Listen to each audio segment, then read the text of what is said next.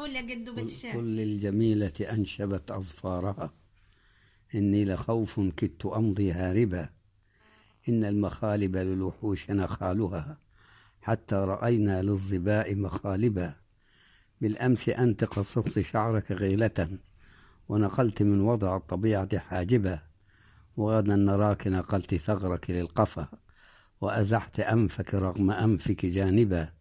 من علم الحسناء أن جمالها. في أن تخالف خلقها وتجانبا إن الجمال من الطبيعة رسمه. إن اد خط منه لم يك صائبا. الله يا جدو